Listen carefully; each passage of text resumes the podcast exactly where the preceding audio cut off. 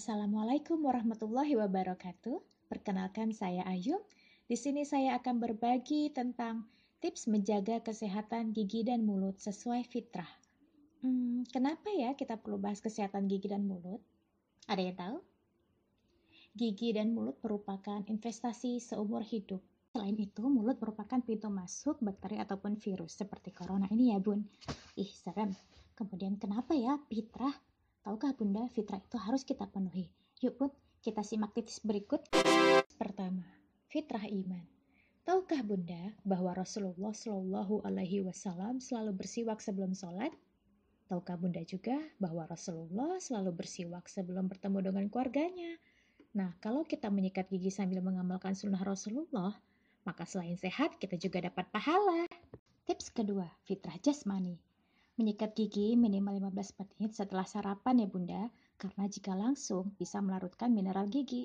Kemudian, menyikat gigilah sebelum tidur, karena bakteri akan berkembang biak terus selama masih ada sisa makanan. Terus kemudian, makanlah makanan bergizi Perbanyak sayur dan buah, bukan di jus ya Bunda, untuk pembersihan alami gigi. Kurangi juga junk food. Tips ketiga, fitrah belajar.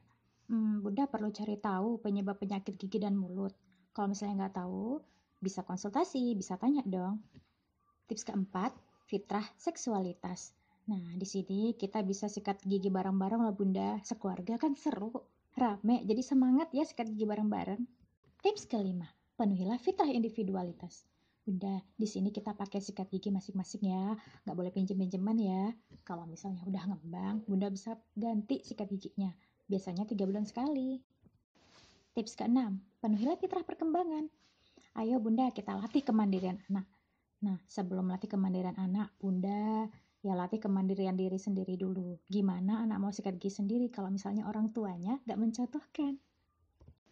Tips ketujuh, fitrah bakat.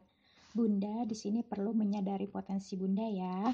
Mana nih yang bakatnya ngomporin alias yang motivator, mana yang bakatnya ngatur atau ya ngajarin edukasi untuk mengajak keluarga kita itu sehat.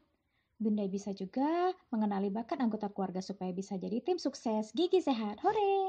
Tips terakhir ke-8, penuhilah fitrah estetika dan bahasa.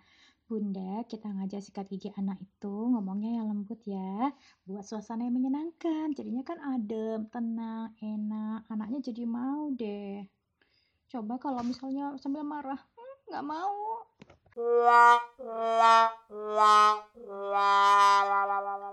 Nah, dari semua itu, apakah kita sudah meluangkan waktu untuk melakukan hal-hal tersebut ya Bunda? Sadarkah kita fitrah mana yang belum kita penuhi? Mau mulai dari mana? Sekian sharing dari Ayum, semoga bermanfaat untuk kita semua. Assalamualaikum warahmatullahi wabarakatuh.